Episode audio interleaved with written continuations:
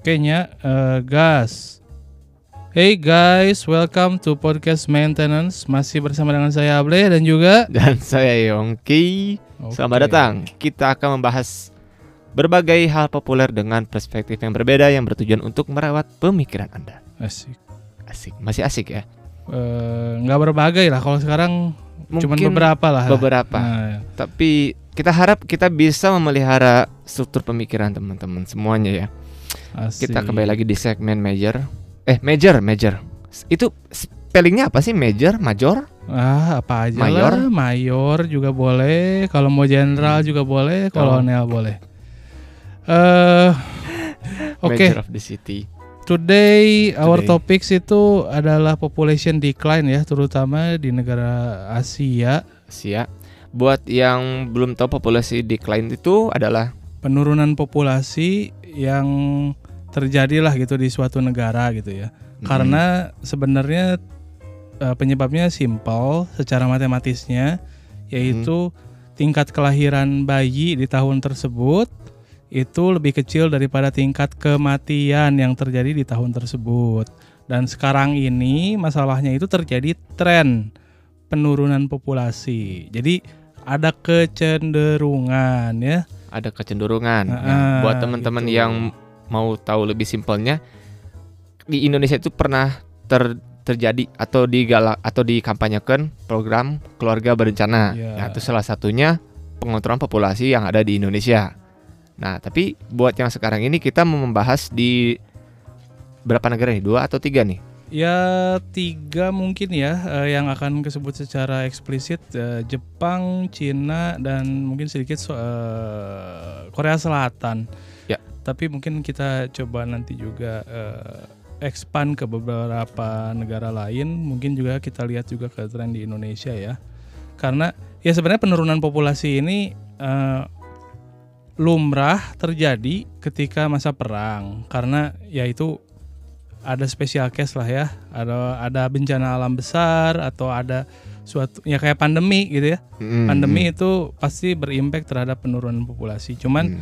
yang sekarang kita bahas ini ini ada faktor eh, sosioekonomi lah Ya. negara-negara tersebut ya sosioekonomi atau pengen atau dalam kasarnya itu pengendalian. Ada faktor pengendalian. ada faktor eksternal dan internal Hmm. gitu ya dan mungkin pertama Cina kali ya yang Cina. Sekarang itu gede ya Hmm, sekarang itu kita nyebutnya itu lebih enak disebut dengan Tiongkok.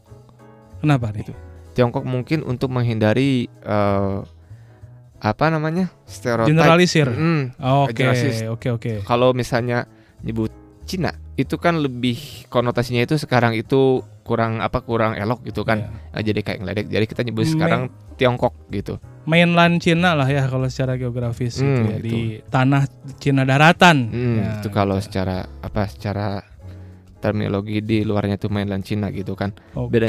Nah, kalau sekarang itu kan udah ada nih kebijakan boleh punya anak banyak lagi. Oh, dulu nggak Hmm. boleh. Dulu nggak boleh, terutama waktu zaman Deng Xiaoping. Deng Xiaoping. Deng Xiaoping sekitar tahun eh, 70-an. Sekitar tahun 70-an dulu itu orang Cina. Orang Tiongkok cuma boleh punya satu anak. Hmm. Nah, cara ini efektif buat menurunkan yang namanya pop- eh, populasi sampai 70%. Nah, dulu ini di, di eh, dulu ini sebenarnya dibuat sebagai menunjang eh, efektivitas anggaran Hmm. dari pemerintah sendiri misalnya buat ini udah ada anggaran nih. Ini biar biar misalnya bibit-bibit kelahiran ini punya kualitas yang baik ya berarti harus dikontrol gitu kan harus dikontrol dan dulu juga karena dulu eh, masyarakat tradisional Tiongkok ini menganut yang namanya paham kita sebut nggak nih apa pahamnya Nggak masalah. oke paham konfu Sianis. konfusianisme dulu ini kalau misalnya masyarakat tradisional Tiongkok nggak punya anak eh, laki-laki atau misalnya punya banyak anak perempuan kurang gitu kurang kurang punya prestige gitu kan Hmm. lebih prestis punya eh, anak eh, laki-laki. Hmm. Nah, gitu kan. Nah, jadi dulu orang dulu kalau misalnya belum punya anak laki-laki, ya bikin lagi, bikin lagi, bikin lagi. Hmm. Nah, itu simpelnya yang kayak gitu bikin orang-orang itu dulu beranak banyak. Apalagi kalau punya anak ya, eh, laki-laki yang banyak itu prestisnya pasti semakin besar.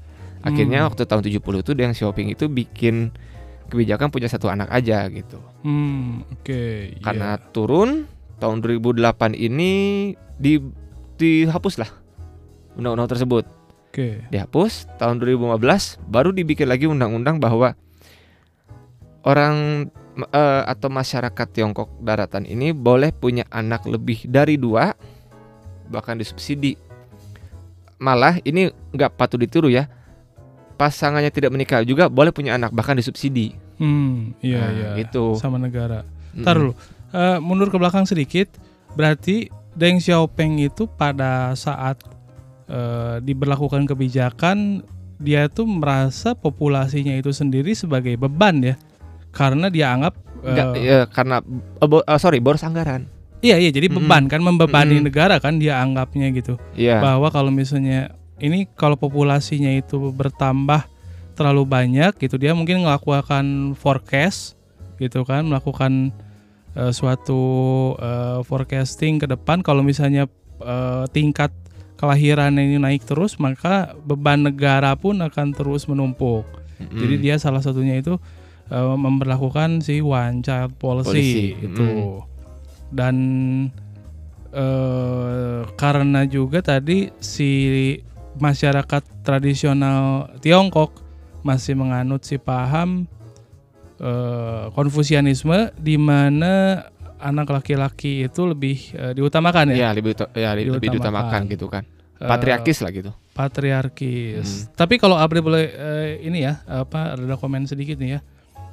Eh, sebenarnya di tahun tersebut itu kan kalau mundur lagi ke belakang itu kan ada suat ada eh, pemimpin Cina yang namanya si Mao Zedong ya. Mau Zedong ya. Mao Zedong si pemimpin eh, bapak komunisnya Cina itu. Mm-mm. Di situ kan eh, para penduduk di sana itu kan eh, gimana ya masih tradisional dan juga si Mao Zedong ini menerapkan kebijakan Great Leap Forward kalau nggak salah yang Ba- apa pokoknya ya, buat- pangan itu sem- semua orang tuh kayak ditarik gitu ke lahan eh, pertanian Mm.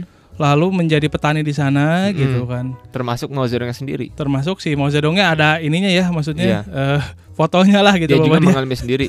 dia padahal dia itu orang punya, Hmm, ah, gitu kan karena kebijakan tersebut dia dikirim ke desa sama pemerintah hmm, oke. gitu. Mm. Nggak, tapi gini masuk akalnya gini sih secara secara eh, sosial ya. Karena anak laki, eh, kenapa anak laki-laki itu diutamakan mungkin ya di saat itu? Karena laki-laki itu kan manpower, Mm-mm. bener nggak? Mm. Jadi dia itu adalah resource Mm-mm. anak laki-laki itu. Jadi semakin banyak anak, semakin banyak anak laki-laki, makin banyak yang bekerja di ladang gitu mungkin. Nah, iya, Mikirnya iya. mungkin gitu ya. Kayaknya Gitu. bukan orang Tiongkok aja tapi semua orang juga mikir kayak gitu gitu kan. Iya di saat itu Ah. ya ketika eh, masyarakatnya masih tradisional, jadi eh, berharap bahwa eh, pangannya itu bisa cukup eh, dengan cara eh, manpower itu ditarik semua dari kota set ke lahan pertanian untuk eh, menjadi petani lah gitu ya, Ya, gitu. ah, Dan eh, menariknya sih ya kalau misalnya di masa si Mao Zedong itu kan gagal tuh dan mungkin kayaknya si Deng Xiaoping menganggap bahwa kita ini nggak bisa terus-terusan jadi tradisional jadi dia eh, mau menuju ke masyarakat modern di mana yang diutamakan adalah manufaktur manufaktur. ya kan Mm. pabrikasi jadi dia berpikir kalau misalnya eh, orang-orangnya ini makin banyak Mm-mm. Eh, ya malah nantinya itu jadi membebani negara gitu. Karena Hmm. nantinya kan mau eh, ke industri pabrikasi gitu. Jadi eh, nanti bakal banyak yang ada di desa gitu. Jadi dia mendorong program urbanisasi kan Mm-mm. sebenarnya di sini. Oke oke. Got it. Urbanisasi dan itu juga lumayan efektif sebab eh, logika kalau logika sederhananya gini kalau makin banyak anak juga makin banyak pengeluaran makin Gitu. banyak pengeluaran ya ya tapi kalau misalnya di desa eh, kalau memang eh, cara untuk mendapatkan uangnya itu solely cuman ya maksudnya cuman satu-satunya cuma dari pertanian memang pasti pilihan logis. Gitu kalau misalnya kita mau banyak hasil seenggaknya anak kita harus banyak dong maksudnya yang bisa menggarap gitu Heeh. kalau mau terus-terusan kayak gitu gitu ini kan tapi kan nggak Ya, bisa nggak gitu bisa gitu. menurut Mm. Mao Zedong eh ya menurut siapa Deng Deng Xiaoping ya ya sebenarnya dia ada dasarnya kuat juga sih mungkin di situ jadi dia batasin cuman mungkin terlalu strict terlalu membatasi kalau cuman satu gitu Hmm. Eh, bahkan dulu sampai di tahun dua di tahun 90-an itu masa 30 juta pria itu jomblo. di tahun berapa Eh 90. 30 juta pria jomblo Hmm. Terus Oh. ada sebutan namanya eh sweet sweet 70 kalau nggak salah. Eh, Sweet jadi. Hmm, soalnya eh, masyarakat it- yang lahir di tahun 70 itu kan di zaman dia lahir waktu ada kebijakan one child policy. hmm. Ya gitu. Nah, Oh, heeh. oke. Eh, jadi yang si cowok-cowok ini banyak yang eh, melajang dan Hmm. si perempuan ini kerjaannya ngeliat mading gitu.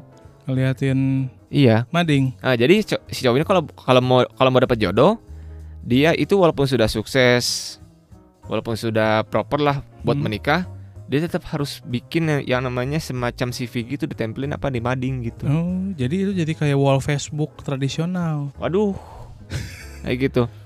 Dan itu Mengiklankan diri Mm-mm. di sana. Itu eh, apa eh, bukan tren ya, ta- tapi fenomena yang paling ngepop waktu zaman itu. Hmm, Gitu I kan. see, I Ada see, eh, istilah sweet 70 gitu kan. I see. bukan Sweet Seventeen gitu. Dan yang jadi masalah itu trennya ini apakah bakal ada lagi? Ya, Bukan cuma di- tahu juga. Iya, bukan cuma di Cina gitu maksudnya. Eh, ya, tar, coba kita eh, sebelum jauh ke sana. Tadi kan udah sampai 2008 tuh. Hmm. Coba dijelasin lagi, Yonggi. Lau- 2008, 2008 itu dihapus. ditarik, dihapus. dihapus Hah? dan kosong tuh 7 tahun sampai tahun 2015. Maksudnya nggak ada kebijakan lagi yang yang membahas tentang populasi sampai tahun 2000 ta- tahun 2015. Tapi di 2008 itu eh, apa eh, dasar utama yang menguatkan pencabutan kebijakan tersebut? Ya populasinya dikit. Ternyata menyadari di situ tuh Menyadari. popu- populasi dikit. Iya, dimulai dari kota Sichuan. Si Sichuan, Sichuan. Aduh. Szechuan ya, Szechuan ya. Apa nggak tahu deh apa itu yang spelling. pedas-pedas lah ya. Eh, Apaan itu? makanan pedas. Ya itu. Ala ped- Eh eh, 2008 eh, pe- eh, pemimpin siapa? Presiden. Udah Xi Jinping belum ya? Kok nggak salah Ujin tahu gitu? Wu Jintao ya. Oke lah, whoever it is. Hmm. Oke. Jadi Cina menyadari Hmm. bahwa populasinya ternyata eh, Mulai menipis. lalu ah, Kota-kota sepi gitu kan. Nah, kota-kota di yang gede tuh maksudnya maksudnya iya. kota-kota eh, gede terutama di Sichuan itu. oh di Sichuan tuh Mm-mm. ngerasa Sepi, kosong sepi gitu kan. Bahkan di Guangzhou sendiri yang katanya kota Guangzhou. besar dengan taraf hidup yang relatif rendah, Hah? sepi gitu. ah oke gitu kan. Nah dari sana ya eh, mulailah mikir lagi pemerintah Tiongkok Daratan buat bikin kebijakan baru nih gimana nama populasi gitu kan. hmm. Nah eh, ya yang tadi sudah eh, yang disebutin tahun 2015 dibuat lah kayak kayak apa kayak tadi. 2015 Hmm, boleh lebih dari dua malah Hmm. bukan cuman eh, boleh lebih dari satu lebih dari dua bahkan penik eh, pernikahan eh sorry pasangannya tidak menikah pun boleh hmm. bahkan disubsidi gitu I kan see, I Mm. see. dan buat ngaruhnya ke ekonomi kayaknya sih eh, belum terasa signifikan soalnya sekarang si Jinping lagi ribut Iya, sama Biden pasti karena Lagi trade war lagi. kan gitu. Heeh. Tapi itu ya itu itu masalah eh, nanti dulu. Eh tar.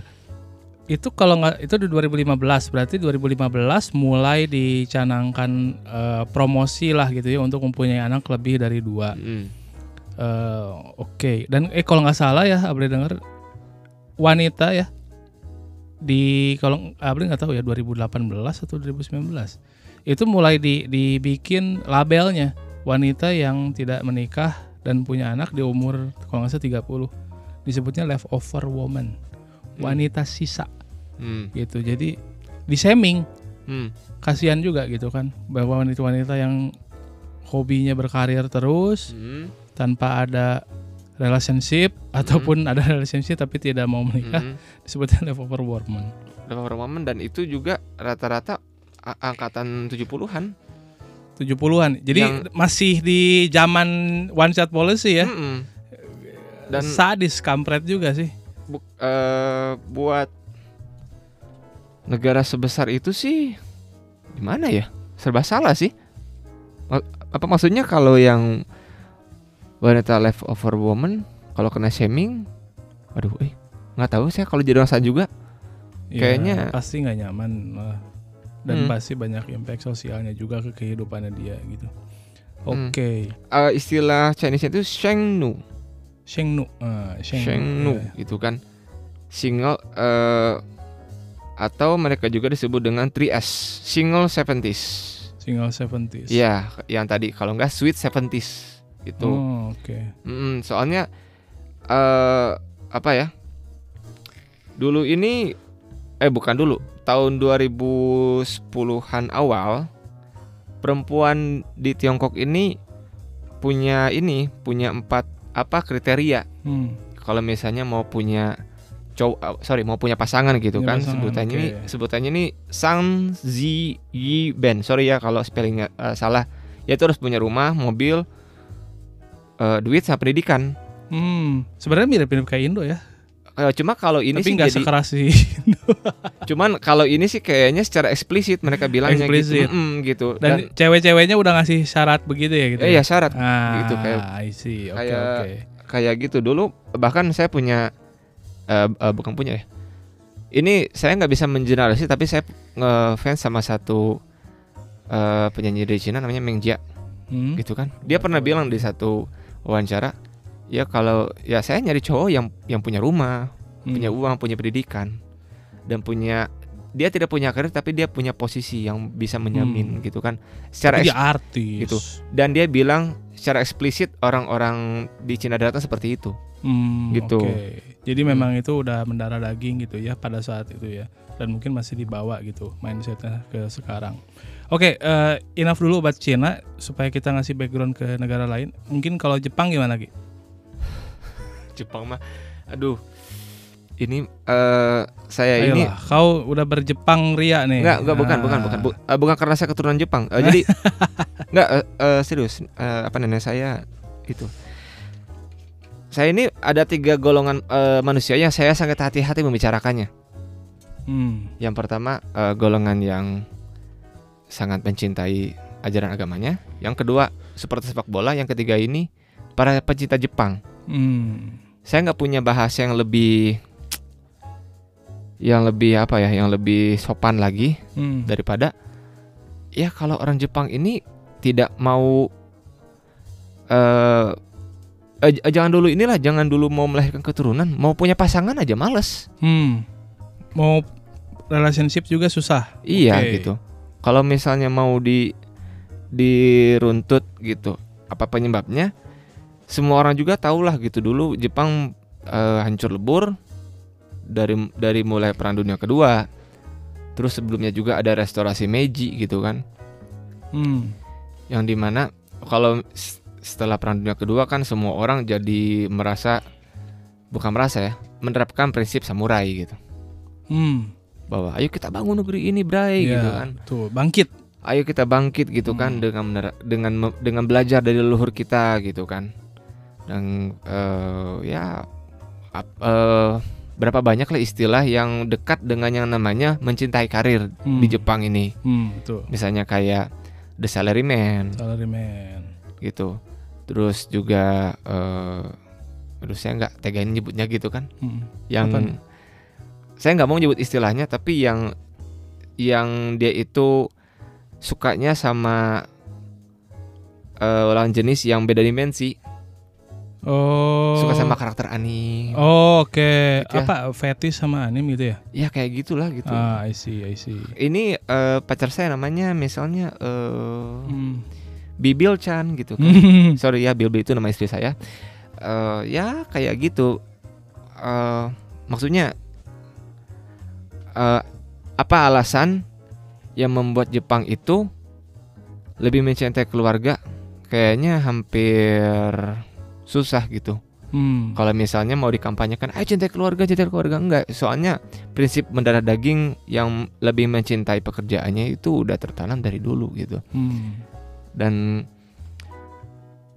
bukan ya, cuman angkat Berarti eh, gampangnya eh, si Jepang sebenarnya nggak ada kebijakan khusus kayak one child policy di Cina kan? Berarti dia nggak ada intervensi pemerintah untuk ngedorong eh, population control kayak gitu kan? Berarti ini benar-benar akar budayanya yang sebenarnya eh, berevolusi gitu. Hmm.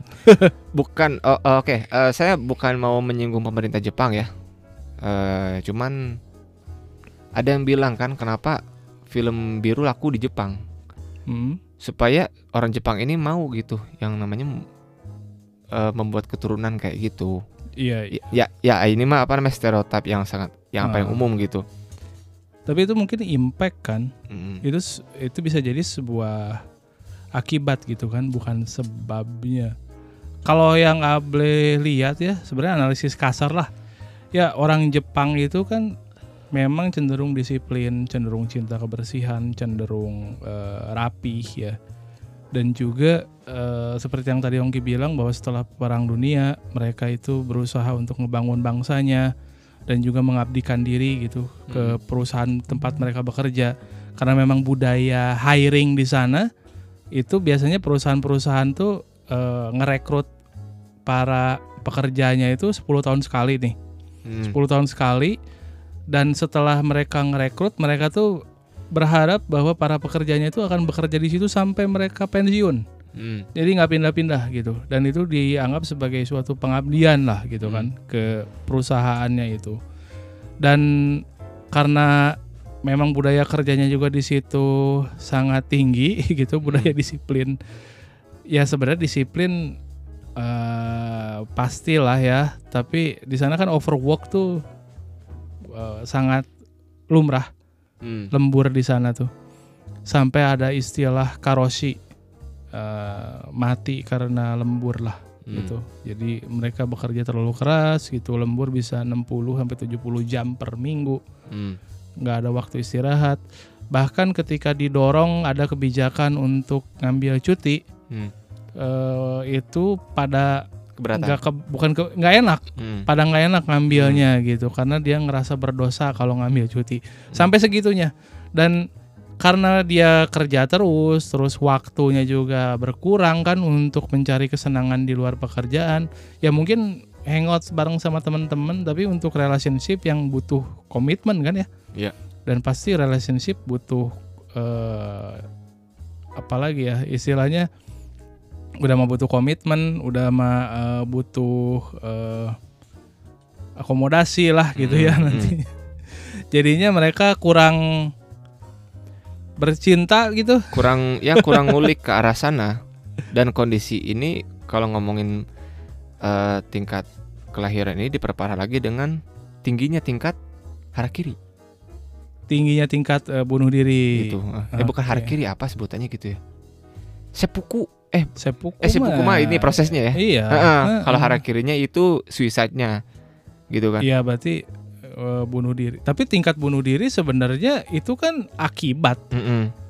gitu kalau menurut itu kan eh, akibat dari mungkin kerasnya tekanan pekerjaan gitu kerasnya eh, putus cinta bisa Hmm. jadi gitu tekanan hidup tekanan hidup Hmm. gitu jadi di sana pasti kompleks sih masalahnya dan eh, salah satu impactnya jadinya mereka tuh di relationship eh, pasti stresnya tinggi juga tuh Mm, dan di sana juga kan biaya hidup tinggi mm-mm. dan rata-rata tuh eh, ngejarnya tuh pasti di kota besar dan juga tanah juga makin sedikit, Mm. rumah juga pasti berarti jadi makin mahal dan jadinya juga Mm. penghasilan itu banyak kepotong A B C D apalagi Mm. kalau punya anak ya benar mikirnya pasti Hmm. ya daripada gua punya anak malah makin ngebebanin hidup Hmm. ya udahlah mendingan gak usah punya anak gitu walaupun menikah gitu Hmm. Dan Gitu baru kan. aja kemarin pemerintah Jepang itu mengeluarkan kebijakan Hmm, yang mau pindah dari Tokyo dikasih duit. dikasih duit iya iya Ah. boleh denger sih itu Ha. Itu dikasih duit. bahkan rumah-rumah yang ditinggalin yang yang ditinggalkan gitu Iya. itu dilelang Iya Di- dilelang. ada yang di- ada yang dikasih gratis kalau nggak salah ada yang dikasih gratis. Bahkan untuk ekspat juga ada Hah, iya, gitu iya. untuk ekspat gitu. suruh cabut dari Tokyo Terus eh, dengan catatan ini kalau misalnya salah perbaiki ya. Kalau misalnya dia menikah dengan orang Jepang juga hmm, gitu kan, Oke. dikasih juga subsidi gitu buat ekspat gitu. dikasih insentif gitu Hmm, ya dikasih insentif gitu kan. Ini untuk menunjang peningkatan populasi eh, tadi gitu kan. Ah, iya iya iya Nah, eh, kalau ngomongin itu sebuah tren bukan sih gitu kan? Kalau misalnya kita hmm. eh, sebut eh yang apa yang yang trennya yang mana nih poin apa tidak menikah di Jepang itu? Tidak iya itu suatu tren. Jadi karena mereka tuh waktu untuk relationship yang butuh komitmen but komitmen kan berarti alokasi waktu ya untuk berhubungan gitu dengan pasangan. Dan juga untuk eh, menikah butuh komitmen yang lebih besar lagi Hmm, gitu. hmm, Ya. Nah, ja- jadinya kan di sana tuh eh, kayak tadi ya, pornografi, terus eh, Subsidi buat prostitusi Mm. ya. Itu kalau menurut Able ya, ini menurut Able, di sana tuh eh, dua ini kan bisa dibilang masif gitu Hmm, di sana. Iya. Jadi sebenarnya ini untuk memenuhi demand, memenuhi permintaan karena mereka tuh nggak punya banyak waktu, Iya. tapi seks itu tetap eh, Kebutuhan rilis. naluri Iya, gitu, itu kan kebutuhan naluri gitu. iya, kebutuhan biologis gitu. kebutuhan biologis gitu. Jadi di sana eh, masif eh, hal-hal berbau seperti itu gitu. Dan juga apa eh, kafe prostitusi itu banyak juga Hmm. kan gitu. Dan kafe yang semi seksi seksi gitu atau yang Nah, eh, apa disebutnya med cafe kayak gitu ya. Ya, tapi terus ke sananya ada plus plusnya itu mungkin banyak juga di sana gitu. Dan memang di sana kan di ya boleh kan kebenaran pernah ke Jepang gitu Iya. ke daerah eh, di Shibuya gitu hmm. dan ya itu terang benderang di advertise gitu dan juga VR virtual reality gitu jadi eh, supaya ngasih sensasi bahwa eh, perempuan yang akan kita setubuhi itu benar-benar ada di depan kita gitu virtual reality Iya. itu banyak gitu di situ Mm. daerah situ kaget juga ya kultur shock juga sih sebenarnya nggak nyangka ternyata sampai segitu aja gitu di sana Mm. Jadinya di situ itu kan untuk memenuhi kebutuhan seksual ya para orang-orang di sana gitu. Hmm, karena hmm. mereka butuh seksual rilis. Hmm. dan karena ada demandnya jadi disediakan gitu. Dan juga mungkin eh pak berkompetisi dong ya nggak? Iya, para jadi industri indus- seks jadi, jadi industri ah. kan berkompetisi. Jadinya makin banyak variasinya. Makin aneh-aneh makin gile. Ah. ya nggak?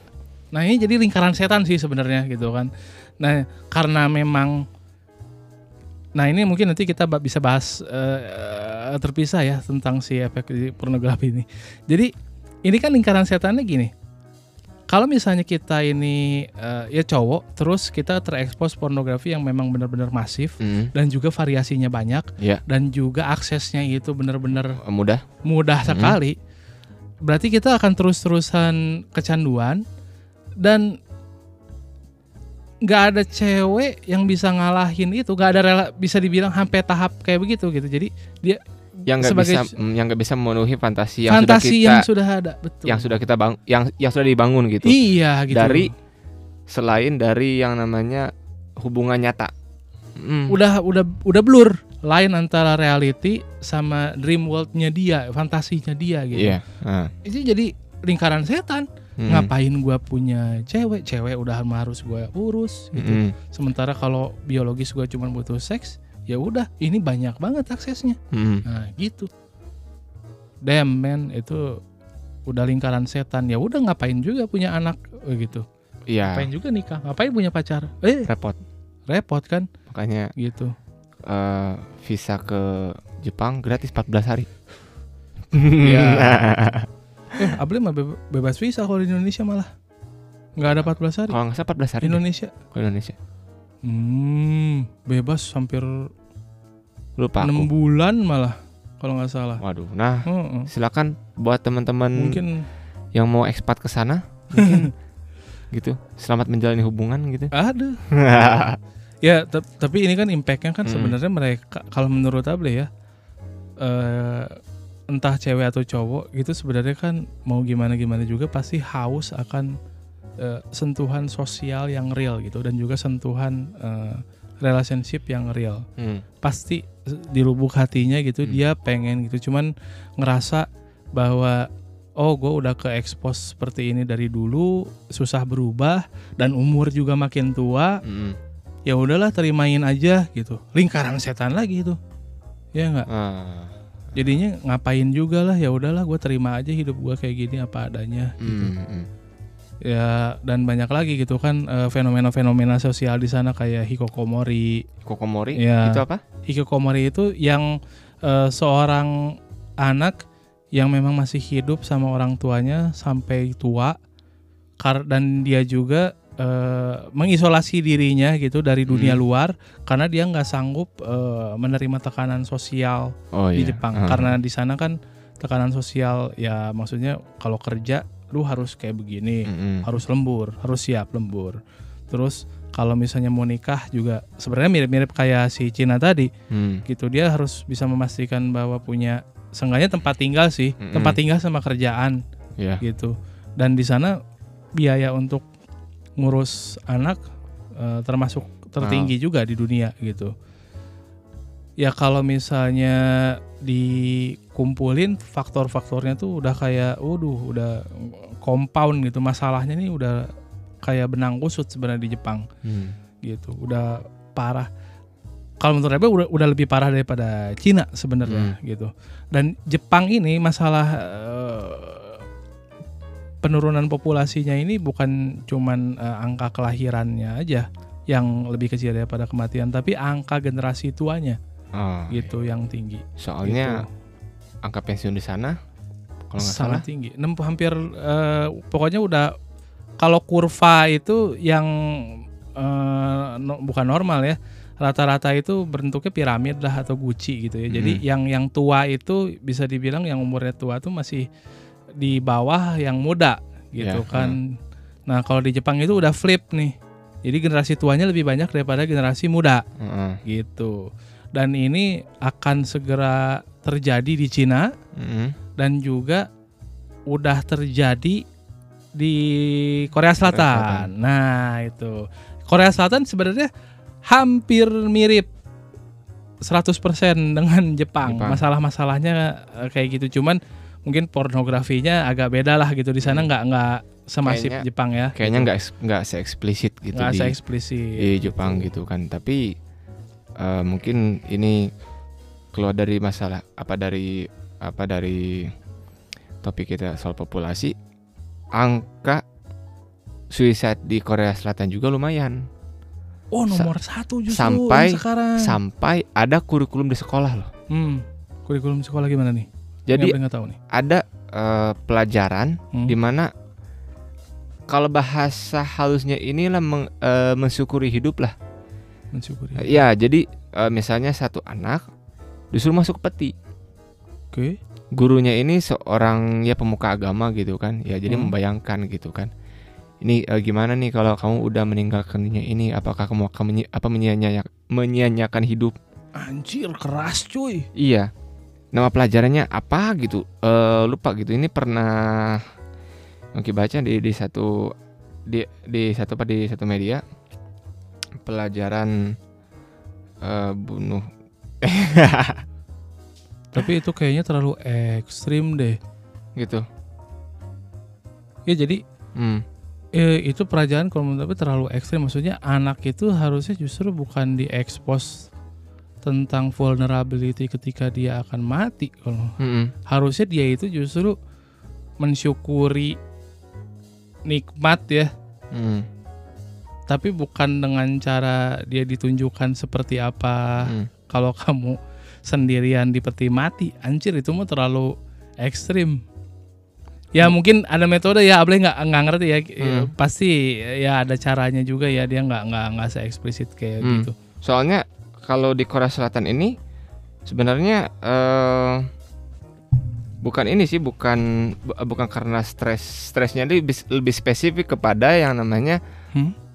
jam sekolah Jam sekolah, Heeh. oke.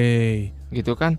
Eh kayak Cina juga dong. Jadi ada cram school, cram school gitu kan? Hmm, gitu kan. Les-les yang untuk ujian gitu. Iya, dan Hmm.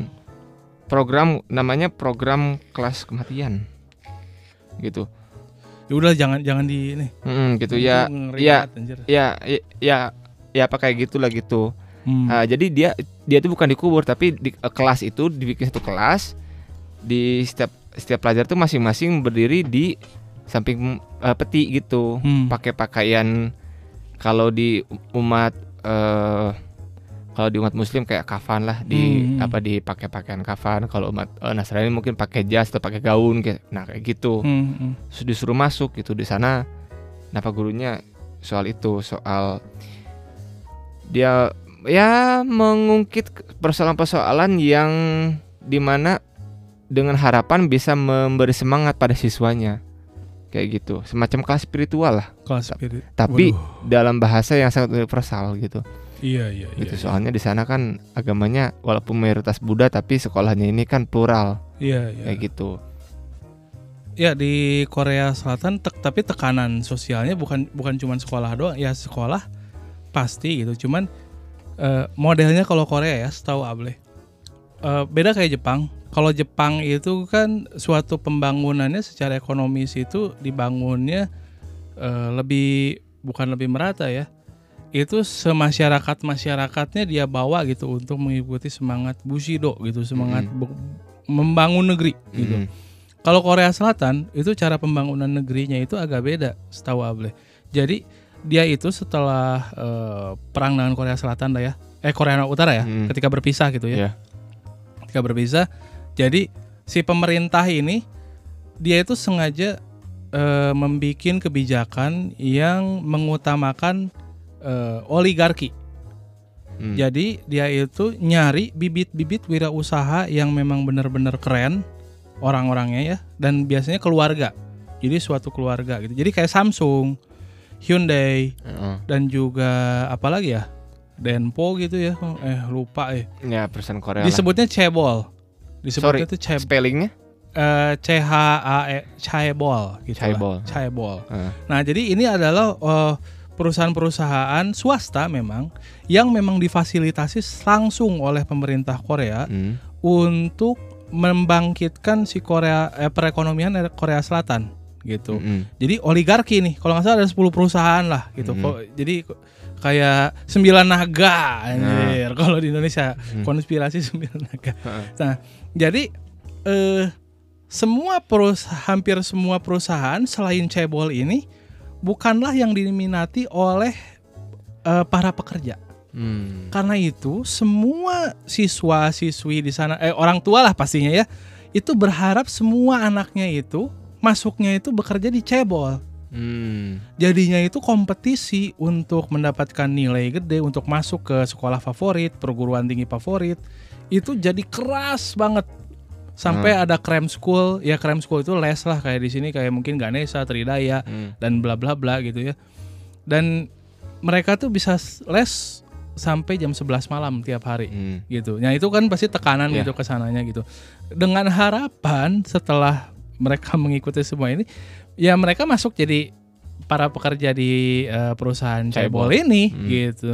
Dan ya di sinilah ya oligarki mulai bermain kan gitu. Jadi karena cebol ini punya kekuasaan yang begitu besar, dia juga bisa melakukan apa saja gitu. Jadi sebenarnya cebol ini skandalnya banyak banget Hmm. dan separah apa pun itu dibela sama Pemerintah. pemerintah. Hmm. Ini sadis lah kalau lihat kasus-kasusnya gitu ya. Ada yang benar-benar wah gila parah lah gitu. Jadi eh ya akibatnya di sana juga tingkat stresnya sama kayak di Jepang. Hmm. Untuk bekerjanya juga eh, di sana susah dan bisa dibilang eh, overworknya itu sama kayak Jepang dan juga ya tingkat bunuh dirinya juga jadi meningkat Mm. karena stress by overwork juga gitu dan tekanan hidup gitu. Ya ini nge- ngebalik juga sih gitu mereka berpikirnya kan dulu ya dengan ekonomi eh, seperti eh, Amerika gitu kan dengan cebol ini mereka berpikir bahwa ya nanti tingkat kebahagiaan para penduduknya itu bakal meningkat lah. Mm. Tahunya kan sekarang tingkat kebahagiaan Korea Selatan tuh salah, salah- eh, termasuk yang terendah lah, Mm. termasuk yang terendah. Begitu. Dan pertanya- pertanyaannya nih, Hmm. apakah di Indonesia bakal kejadian gitu pengontrolan atau kebijakan po- populasi gitu? Pertanyaan menarik. Hmm, Kalau menurut Able eh, bisa jadi, bisa jadi. bisa jadi sebenarnya. Karena sebenarnya keluarga berencana sempat juga kan. Jadi itu itu udah program kan Mm, gitu. mm. Di Amerika juga disebutnya Planned Parenthood gitu. Ya, Hmm. disebutnya sama lah artinya itu kan berarti keluarga berencana. Tapi yang menariknya di sini bukan cuma Indonesia aja ya.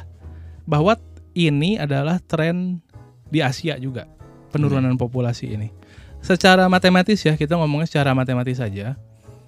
Tingkat eh, kelahiran bayi yang sehat itu adalah 2,1 ke atas. Di Eh, 2,1 itu artinya gini. Jadi satu keluarga minimal itu punya dua anak mm, gitu.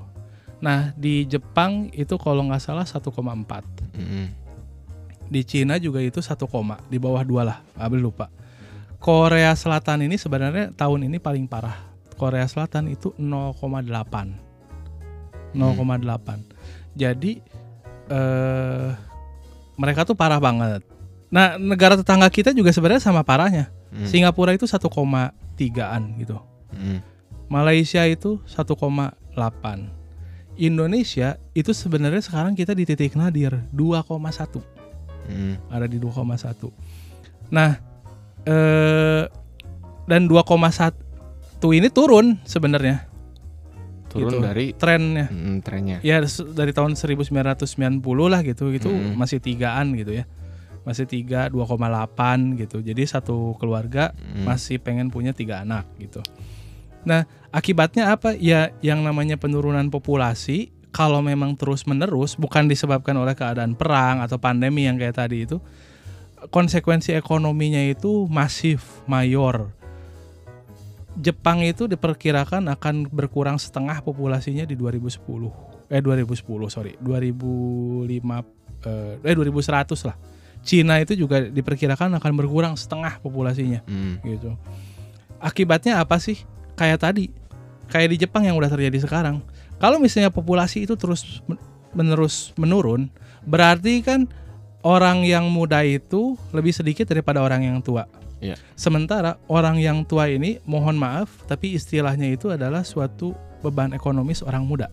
Ya. di perusahaan eh di perusahaan di suatu negara yang memang menganut eh, masih menganut asas demokrasi dan ada eh, aspek sosialnya. Dalam artian eh, pertanggungan dari pensiun gitu kan atau sosial safe- eh, safety net lah. Mm, jaring pengaman sosial. Karena jaring pengaman sosial itu yang ngebangunnya itu adalah orang-orang muda. Mm, kan gitu. Dan juga pajak-pajak itu bakal dibayar itu sama yang lebih muda Hmm. awal-awalnya kan gitu. Kalau misalnya terus-terusan yang tua itu e, bertambah sementara yang mudanya itu sedikit, maka yang muda ini akan makin berat bebannya. mm, Ya nggak? Bener bener bener. Jadi paj- bisa jadi pajak nanti makin gede.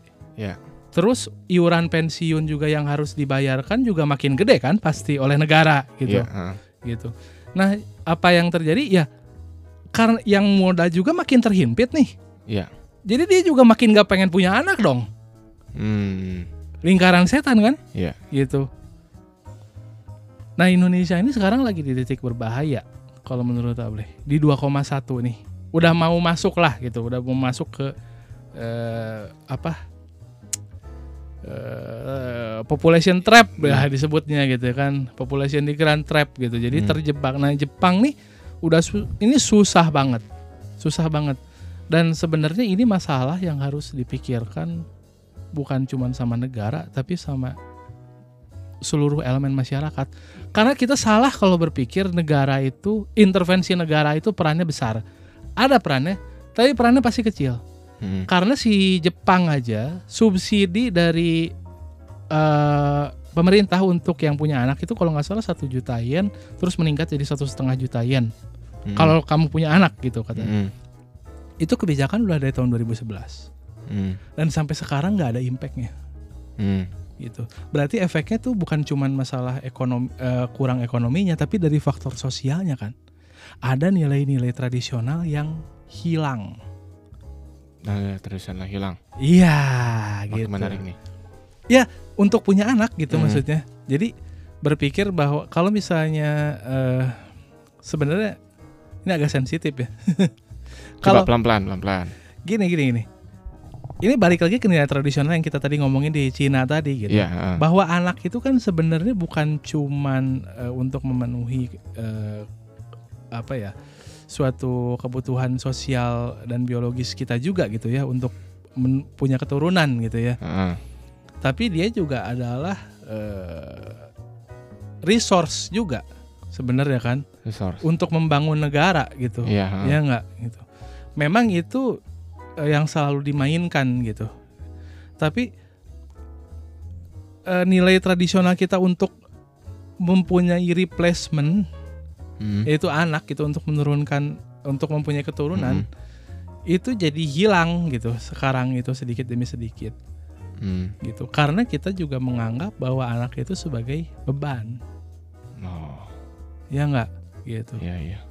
kalau waktu dulu mungkin ya mungkin sebelum zaman modern ya gitu walaupun anak itu memang punya eh, beban secara eh, moral lah ke kitanya bukan beban secara moral ya bisa dibilang memberikan tekanan pasti ke kehidupan kita gitu Mhm. kan tapi anak itu juga kan merupakan resource yang bisa membantu kehidupan keluarga gitu Hmm. jahatnya gitulah bahwa anak itu sebagai resource ekonomi itu jahat sebenarnya Hmm. ngomongin kayak gitu tapi di zaman dulu itu eh it works gitu dan itu itu itu bekerja gitu dengan karena dengan punya banyak keturunan dengan adanya banyaknya generasi muda kita membangun dunia ini kan Hmm. gitu.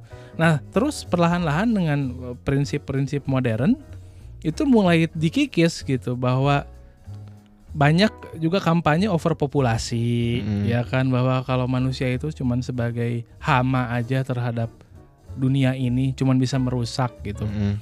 Jadinya ya replacement value tuh nggak perlu gitu. Itu ada tuh pendapat yang radikal kayak gitu Hmm. dan juga ya kalau anak membebani keluarga terus menerus gitu nantinya lu bakal stres segala macem. Dan ya ini banyak lah. Dan kalau nggak salah ada salah satu selebgram kita gitu yang mengkampanyekan si Child free. child free Ya. ini bahwa lu bakal bahagia atau segala macam ya oke lah it works for you but maybe not for all lah. You shit anjir kalau menurut Ableh gitu.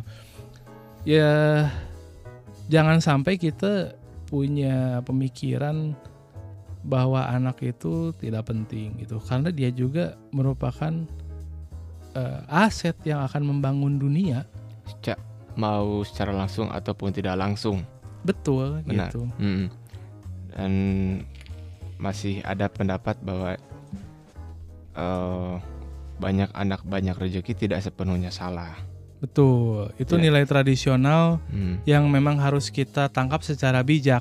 Iya, memang ya. tidak salah. Tapi yang penting itu adalah kualitasnya sendiri dari generasi sebelumnya yang melahirkan generasi baru. Hmm, Itu juga yang sedikit banyaknya menjadi persoalan pengontrolan populasi di Cina, terutama.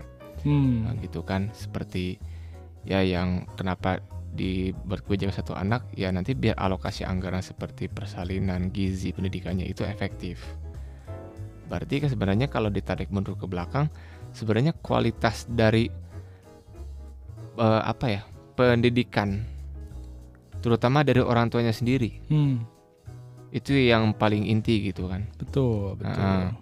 gitu Eh, bahkan sekarang eh, yang sang yang harus kita syukuri kalau zaman dulu kan kalau punya anak itu kan dididik ya sepengalamannya aja Hmm, gitu Tapi kalau sekarang kan ya udah ada media sosial, udah banyak lah YouTube eh, berapa gitu.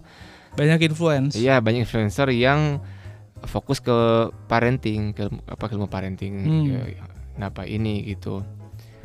Dan walaupun sekarang juga ini mah apa stereotip yang agak kabur yang mungkin nyambung ke sana ya, bahwa mungkin nanti nanti ada pengurangan eh, tenaga manusia Iya. di masa depan, nanti digantikan sama AI Betul. ataupun digantikan sama mesin ya sama robot sama otomasi tapi tetap bahwa nanti kalau orang-orang yang menciptakan teknologi tersebut ah ini mah sok taunya sok tanya Yongki Hmm. nanti dia juga pasti harus ada yang ngurus dong manusia lagi Betul betul. Eh interaksi sosial itu nggak ada replacementnya nggak ada ah, itu ya itu apa kesimpulan Mm-mm. Apa kesimpulan dari apa dari omongan Yongki gitu kan mau mau bagaimanapun kalau kita jadi manusia ya harus ada lagi interaksi manusianya lagi Betul betul. gitu Dan harus ada eh, replacement untuk diri kita sendiri gitu untuk kita su- supaya bisa meninggalkan warisan yang memang eh, berguna gitu ya buat Hmm. eh, buat bangsa juga dan juga buat dunia gitu itu tetap eh, tingkat kelahiran itu harus dijaga gitu. Nggak bisa di losin Hmm.